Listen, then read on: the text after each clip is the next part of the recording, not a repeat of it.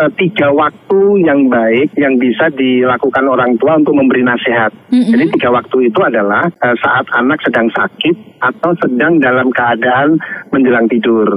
Oh. Eh, kemudian yang kedua saat mereka sedang makan, yang ketiga adalah saat berada di dalam perjalanan. Nah, dari ketiganya ini yang paling kuat adalah ketika anak sedang menjelang tidur.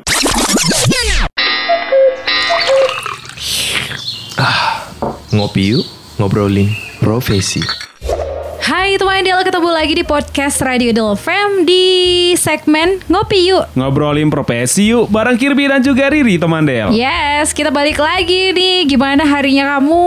Happy? Kalau nggak happy nggak apa-apa sini sini karena kita bakal ngajakin kamu mendongeng. Ya, mendengar Oh, ini mendengar profesi ya. pendongeng Iya. ya. Yang pasti sih kayaknya ya juga kita ngobrolnya nih kayak lagi didongengin Lagi ya nggak sih? didongengin, betul. Nah, jadi teman Del ya, kita mau ngobrol sama seorang storyteller atau pendongeng. Ada Kak Awam Prakoso nih. Langsung aja kita sapain teman Del. Selamat sore, Kak. Selamat sore Kak Awam. Selamat sore. Gimana kabarnya, Waduh. Kak? Kabarnya baik bersama anak-anak Indonesia masih keliling saat Oh. ini walaupun eh, di suasana masih corona ya, tetapi Yes. kita tetap harus semangat gitu. Bener banget nih, Kak. Waduh, ini eh, Kak Awam stay-nya di mana sih, Kak? Kalau saya di kantor pusatnya ada di Hmm. BSM-nya itu di Ciputat, Tangerang Selatan di Banten. Oke, tapi untuk eh, jadi storyteller itu udah keliling Indonesia lah ya, Kak ya? Ya betul. Kalau untuk anugerah yang eh, sangat luar biasa dari Tuhan yang Maha Kuasa.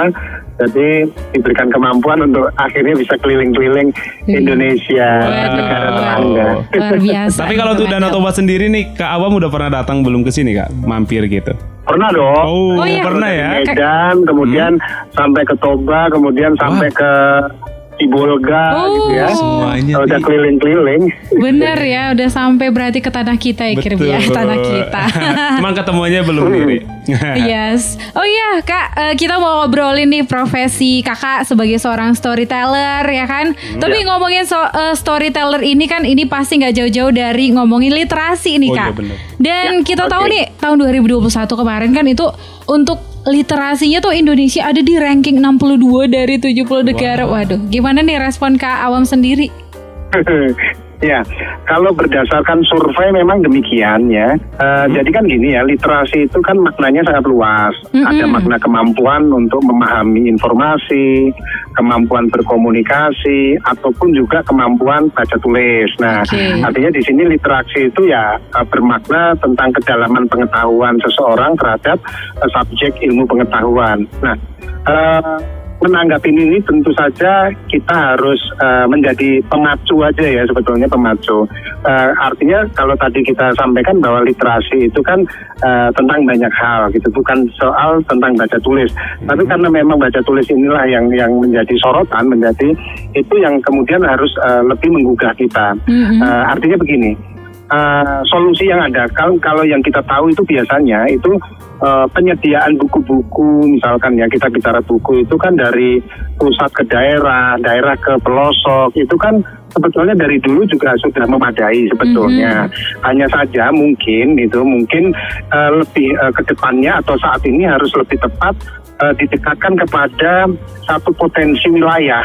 Eh, artinya kalau eh, buku-buku daerah ya kita kuatkan dengan buku daerahnya. Bukan eh, kemudian apa namanya semua daerah itu harus membaca yang sama dari buku-buku yang ada di apa namanya yang kita seperti kenalin ya kalau di apa kota gitulah di Jakarta atau di kota-kota besar kemudian sampai ke daerah-daerah mereka kadang kan nggak ngerti contohnya misalkan buku yang ditulis oleh eh, saya di Jakarta kemudian dibaca oleh orang-orang yang ada di Papua sana nah ini eh, agak kurang bijak Kayak kurang saya. relate Kalau gitu ya, Kak?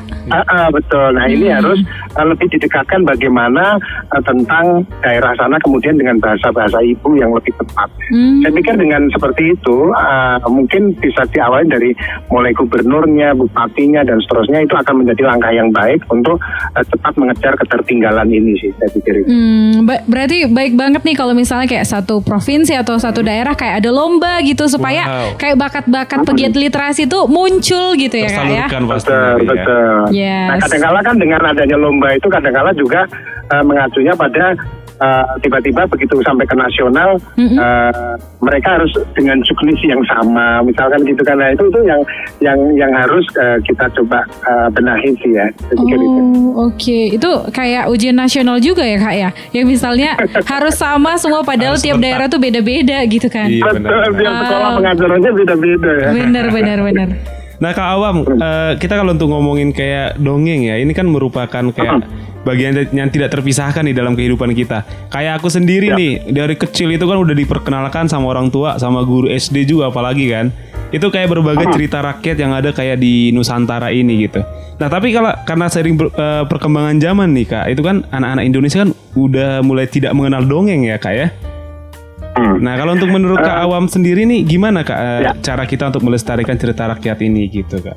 Ya, eh, kalau tidak lagi mengenal dongeng mungkin kurang tepat ya, Hmm. karena eh, dongeng itu juga memiliki makna yang sangat luas. Artinya Oke. tidak melulu hanya cerita-cerita rakyat atau legenda, mitos, Hmm. eh, sage, tidak tidak hanya cerita-cerita itu saja, tetapi Oke. juga cerita keseharian ini juga bisa dikemas menjadi sebuah dongeng seperti itu saat ini. Mhm. Nah, tetapi eh, karena kita eh, coba untuk eh, merangkumnya dalam sebuah diskusi di mana eh, bagaimana kalau eh, kita harus melestarikan cerita rakyat karena memang cerita-cerita rakyat legenda itu memiliki kekuatan yang super baik ya Iya, untuk betul, eh, baik itu untuk eh, apa namanya penguatan karakter, Mhm. kemudian melestarikan juga eh, apa eh, melestarikan budaya Mhm. seperti itu tuh bagus sekali. Nah hanya saja ini perlu eh, bahasa-bahasa eh, terbitan buku buku lis- apa namanya cerita rakyat dan legenda itu harus betul-betul eh, dibahasakan anak banget gitu ya. Mhm. Nah, mungkin itu akan lebih mengena. Walaupun saat ini sudah cukup banyak yang saya lihat juga itu hanya saja eh, persediaan eh, para pendongeng eh, atau komunitas dongeng di eh, di seluruh Indonesia belum tersebar secara masif. Oh. Eh, hanya masih beberapa saja. Nah, ini yang perlu eh, kita lakukan eh, perbaikan agar eh, di mana-mana ada seperti kampung dongeng itu kan itu harus segera ada di berbagai daerah. Nah, kenapa? Karena relawan-relawan inilah yang nantinya akan memberikan motivasi atau dorongan kepada orang tua maupun guru agar eh, mengembalikan eh, melestarikan budaya eh, bangsa yang salah satunya seni bertutur ini. Saya pikir itu. Dan eh, ini kan sangat penting ya untuk perkembangan anak khususnya mendongeng atau mendengar cerita dongeng ini kan kak gitu. Jadi walaupun ini eh, udah zaman canggih Udah gitu zamannya, kayaknya betul, betul. kalau dongeng jangan sampai ditinggalkan ya kak ya. Apalagi ini Betul, betul. eh, kayak dari kakak sendiri misalnya manfaat yang bisa dirasakan anak ketika dia sering dikasih dongeng waktu kecil itu bisa di share gitu kak. Ya, jadi begini ya, eh, ada beberapa hal yang sangat eh, penting banget ya. Kenapa anak itu harus eh, mendengarkan dongengnya? Mm-mm. Karena eh, menasehati secara murni, artinya kamu harus belajar, kamu eh, jaga kesehatan, eh, jangan main terlalu lama, kayak gitu ya. Itu nasihatnya bersifat murni. Mhm. Nah, ini eh, akan berbeda di, ditangkap dan juga diaplikasikan oleh anak-anak. Nah, inilah makanya harus ada satu eh, semacam satu media yang mudah Mhm. dipahami oleh anak dan itu asik gitu loh, asik, menggembirakan. Nah, ini salah satunya adalah mendongeng atau bercerita. Mhm. Nah, ketika cerita itu disampaikan oleh orang tua, itu akan menjadikan eh, anak dengan orang tua itu kemudian mud- anaknya mudah untuk menerima itu karena sifatnya tidak tidak memaksa, tidak menggurui, Mhm. gitu ya.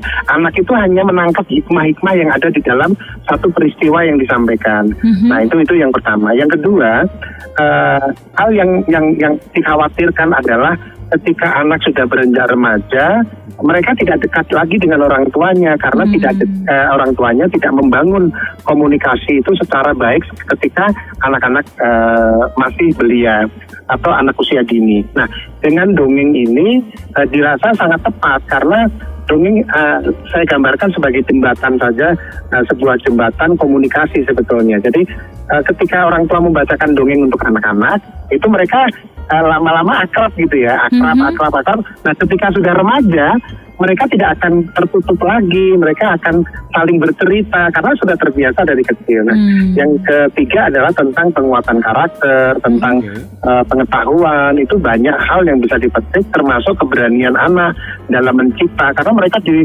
disuguhkan sebuah uh, peristiwa yang imajinatif uh, sehingga mereka akan terlatih otaknya Mhm. untuk menjadi uh, orang yang memiliki daya cipta yang baik. Nah, Itu, itu Wow, manfaatnya banget untuk manfaatnya, seorang anak dengerin dongeng dari kecil banyak banget ya untuk perkembangannya Hmm, ya, Kak ya. Nah, jadi sebelum membahas ke profesi Kak Awam, awam nih, aku pengen tanya nih Kak. Kan kayak kita teman Del yang lagi dengerin kita itu suatu saat akan jadi orang tua Betul. dan diharapkan bisa jadi eh, pelestari pendongeng, ini Pendongeng kan baik gitu gitu kan. ya. Jadi Kak, ini kita mau kayak mau minta eh, tipsnya sih Kak. Kira-kira skill atau apa sih yang penting yang harus kita tahu nih ketika kita mendongeng gitu Kak?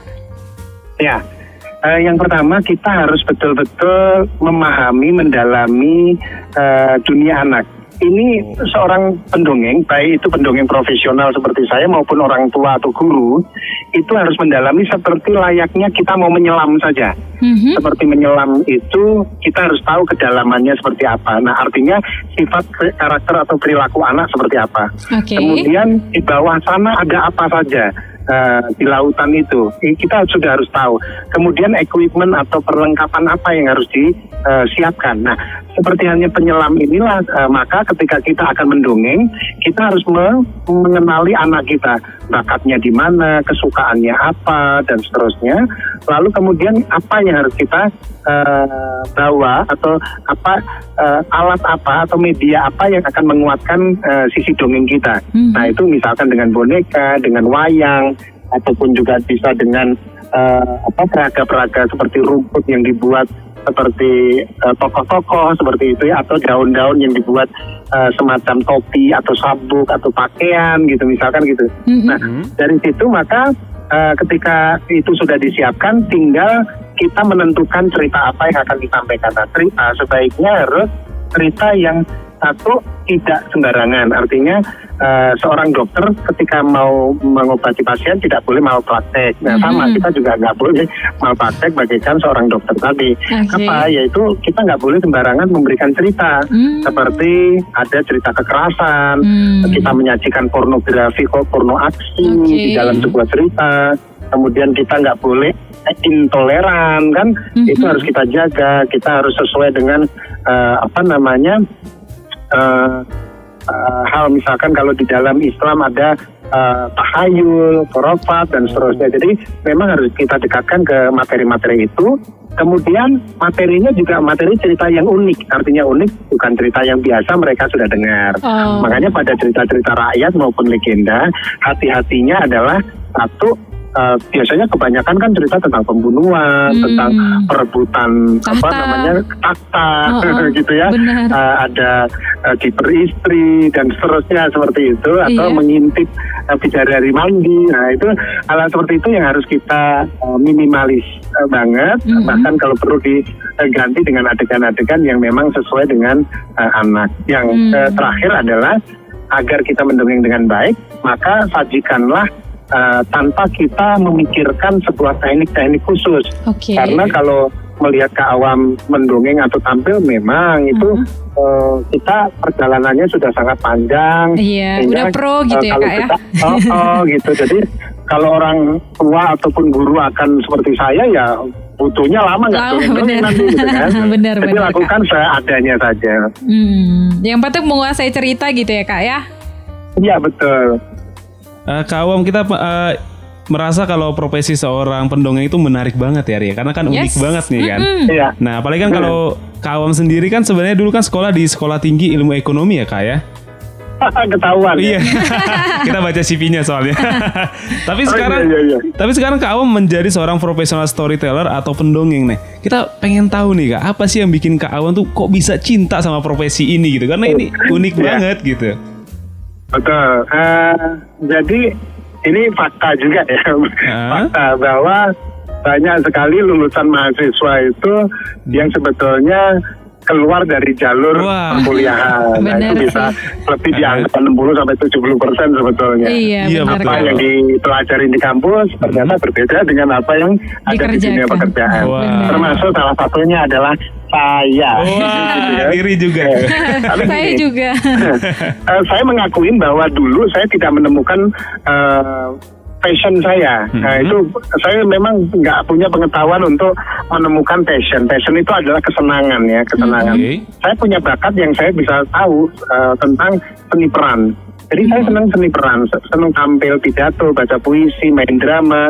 Itu saya senang sekali. Tapi saya ternyata hanya saya bawakan di sebuah uh, unit kegiatan mahasiswa maupun ekstrakurikuler saja gitu loh.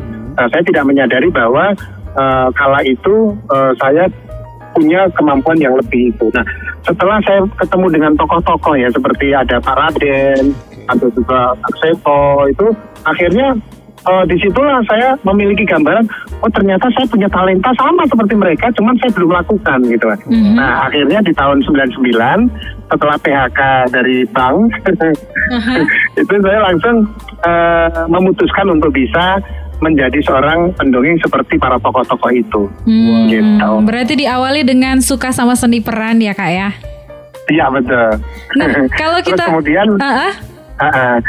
Eh, kemudian kenapa ya atau apa yang bisa membuat saya cinta pada profesi ini? Iya. Eh, karena apa ya? Saya memang senang dunia anak-anak ya. Jadi saya itu dulu diasuh oleh bapak ibu saya itu dengan bahagia lah, dengan senang nggak ada Hmm. kekerasan. Masa kecil Mereka bahagia ya, Cerita-cerita ya? tentang perjuangan gitu kan. Ah. Nah itu yang kemudian menjadikan, hah? Ini kayaknya asik banget gitu. Hmm. Ketemu anak-anak itu berbagai macam model, lucu-lucu, ngeselin gitu kan. Mhm. ya udahlah, kayaknya ini asik nih tantangannya gitu. Ah, ah.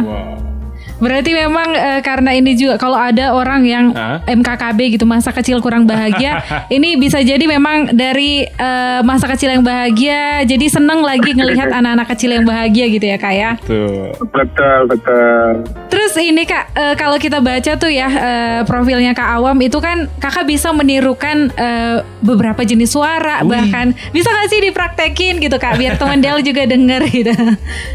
Ya.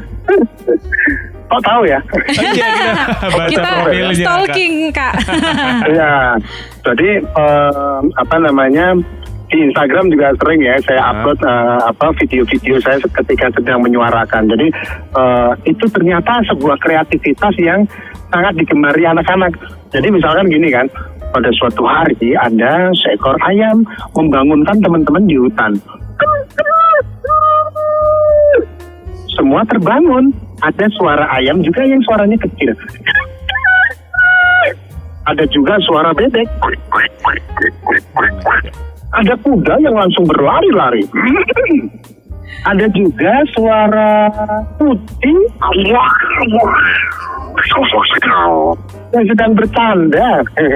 Nah, di antara mereka ada seekor burung bernama Pitbut. Dia senang sekali. Bangun pagi, diberi matahari. Aku senang sekali. Ayah, ibu, bolehkah aku hmm, bermain di luar? Hmm, boleh, silakan bermainlah. nah, itu ketika menyuara-nyuarakan itu anak-anak itu seperti ternganga, kagum gitu. Iya. Jadi Wah, kita kita- aja Iya, ini sampai gitu. sampai Enggak. diam loh kak. Kita Ah. sampai itu aku kira dari itu kayak eh, sound effect loh. sound effect Iya kan? bener. jadi kita jadi Iya, tahu iya. nih kak, kalau sebenarnya eh, kita jadi ngerti ternyata dongeng itu kenapa eh, sem- semenarik ini karena pesan yang disampaikan dari kak Awam ini nyampe ya Ria. Dan Mm-mm, itu memang asli banget. pakai suara dari kak Iya. Awam ini. Dan Keren. untuk kita orang dewasa aja dengernya seneng gitu, Iya, apalagi anak-anak betul, ya. Betul, betul. Bener banget. Betul. Apalagi kalau bawa boneka-boneka Oh. seperti yang disuarakan tadi ya, mereka Ah, ah. wow Benar, gitu benar. kan. Bonekanya bisa ngomong suaranya mirip Iya. gitu kan. Jadi Benar. mereka seneng. Suara Benar gajah, suara ular, macam-macam. Wow. Tapi nggak salah sampai saat ini saya belum bisa suara semut. Oh. Emangnya ada Emang suara ada semut kak? Kak? Tapi kalau boleh tahu nih, Kak Awam itu belajarnya berapa lama Kak? Karena menurut aku tuh Ah. de- suaranya persis Eh, banget. ini, ah, persis eh, banget, sebetulnya, Hah? sebetulnya belajarnya bukan di rumah gitu enggak ya, tapi belajarnya ya eh, ketika bertemu dengan anak-anak langsung saya coba, coba begitu. Eh akhirnya mereka senang ya udah saya lakukan terus eh, karena terus menerus saya kemungkinan itulah yang menjadi tajam dan kuat. Hmm, berarti eh, nggak ngelihat tutorial gitu kak dari YouTube gitu Iya. misalnya kan caranya gitu. Atau jangan-jangan Saya uh, malah YouTube bikin yang tutorial itu kan. Oh, Iya, makanya. akhirnya jadi kakak yang buat Kakak, tutorial iya. ya sekarang. Heeh. Eh, Oke, eh, terus ini kak, eh, kan kalau waktu kecil itu kan katanya kalau mau tidur anaknya Didongengin. didongengin gitu. Dari kak Awam sendiri, kenapa sih kalau misalnya anak kecil itu denger dongeng dia jadi gampang tidur gitu kak? Ya, eh, jadi memang eh, ada eh, tiga waktu yang baik ya, yang bisa dilakukan orang tua untuk memberi nasihat. Mm-mm. Jadi tiga waktu itu adalah saat anak sedang sakit atau sedang dalam keadaan menjelang tidur. Oh, Eh, kemudian yang kedua saat mereka sedang makan, yang ketiga adalah saat berada di dalam perjalanan. Nah, eh, dari ketiganya ini yang paling kuat adalah ketika anak sedang menjelang tidur, karena gelombang alfanya itu memang sangat-sangat siap untuk menerima apa pun yang disajikan. Karena kalau bahasa Jawanya kan liar-liar gitu loh, maksudnya udah udah ngantuk-ngantuk Ah, gitu. iya, iya, Nah, iya. Tapi yang menjadi perhatian adalah jangan sampai nanti cerita terputus dalam keadaan yang tidak jelas atau bahkan eh, justru yang membahayakan. Contohnya misalkan, mhm. ah, jadi kita cerita ketika peperangan itu terjadi gitu kan, itu langsung eh, apa namanya sang pangeran itu mengejar eh, si pencuri, pencuri bisa lolos, dia senang sekali tertawa-tawa, anak tidur. Nah, Hmm. nanti yang terakhir yang ditangkap tentang pencurinya itu, nah ini jadi bahaya gitu. Oh, bener itu Betul. kayak dibawa ke alam bawah sadarnya gitu ya kak ya? mimpi lagi. Iya betul gitu kan. Jadi Benar, benar. hati-hati. Ada ceritanya yang cerita-cerita ringan saja menjelang tidur. Hmm, benar benar benar. Iya dan Kak Awam eh, karena kan kebetulan kan teman Del mungkin lagi dengerin kita dan pengen eh, menemukan jati dirinya nih Kak Awam. Nah kalau untuk pesan dari Kak Awam nih buat teman Del yang eh, masih bingung untuk menentuin profesinya apa nih Kak? Ya, eh, jadi gini, temukan eh, paling sedikit tiga dari passion yang ada. Passion itu adalah sesuatu aktivitas yang kita sukai. Oke. Yang kita kalau melakukan tanpa apa pun, tanpa pamrih, tanpa panggilan, itu kita melakukan. Itu Oke. adalah sebuah aktivitas yang terkait dengan passion itu. Nah itu kumpulkan minimal tiga, lalu kuatkan mana yang paling kuat, gitu. Nah yang paling kuat itu lalu buatlah program-program kecil. Jadi eh, seperti kalau misalkan di saya pendongeng, wah ternyata yang paling suka adalah eh, saya berbicara di depan umum. Nah ini salah satunya adalah dongeng. Maka saya membuatlah program-program kecil yang bisa membiasakan saya eh, untuk melakukan itu gitu loh. Nah, Mhm. apakah itu apa namanya eh, berbayar atau tidak? Nah itu ternyata bukan menjadi ukuran karena kita suka Hmm. gitu. Nah lama-lama apa yang kita sukai itu dan kita lakukan secara terus menerus itu yang akan menguatkan kita dan kita akan dikenal bahkan itu akan menghasilkan atau memperbaiki ekonomi eh, keluarga kita. Jadi eh, teman-teman eh, teman-teman Dels yang saat ini eh, menyimak ya. Eh, ayo segera untuk bisa melakukan at- pencatatan dari eh, passion atau aktivitas yang kita sukai, lalu kuatkan dengan program yang kita buat sendiri, Mhm. lalu biarkanlah alam yang akan mendukungnya. Ah, siap. Ah, luar Thank you biasa. banget Kak. Ini aksi nyata banget ya Nyata menemukan banget, jati diri Jati atau passion Minimal gitu. tiga ri dicatat. Yes, catat. Thank you Kak udah Terima kasih share banyak, buat kita Kak sore Awam. ini. Sehat-sehat Kak. Nah itu dia teman Del. Eh Ri, aku Mhm. dengerin eh, Kak Awam itu mendongeng, aku jadi ingat juga nih lagu wayang tuh. Apa tuh? Yang kayak gini. Dongeng Dongeng sebelum tidur. Ceritakan yang indah biar ku terlelap. Eh, Eh tapi ngomong-ngomong, ini Iya. yang susah tidur nih boleh tuh denger dengerin dongeng ya. Memang Iya. kerasa banget cuy. Siapa tahu ya kan jadi gampang tidurnya dan enak pula tidurnya. Pasti sih eh, dipilih dongengnya ya. Jangan sampai tuh kayak kata Kak Awam tadi Yang mencuri. sesuatu yang eh, negatif, gitu Negatif. kan. Nanti takutnya malah mimpi buruk lagi. Iya kan Aduh. gak enak tuh. Pokoknya semangat untuk kamu. Aku yakin sih ini udah baik dapat inspirasi ya dari Hmm. Betul obrolan banget. kita dengan Kak Awam ini. Nah teman Del kalau kamu ada profesi yang pengen kita ajak ngobrol di Ngopi Yuk Mhm. Kamu langsung cerita ke kita aja Atau info ke kita di nomor WA kita di 0811 6219924 Yes, dan sampai ketemu ya di episode berikutnya di podcast Radio Del FM pasti dengan profesi unik lainnya. Jadi pantengin aja terus. Aku Riri Manulang. Dan aku Kirby Jackson Simanjuntak teman Del Kita pamit dulu. Sampai ketemu. Bye. Bye Nyantai di sore hari emang paling pas buat ngopi, ngobrolin profesi. Cuma di Danatoba Show.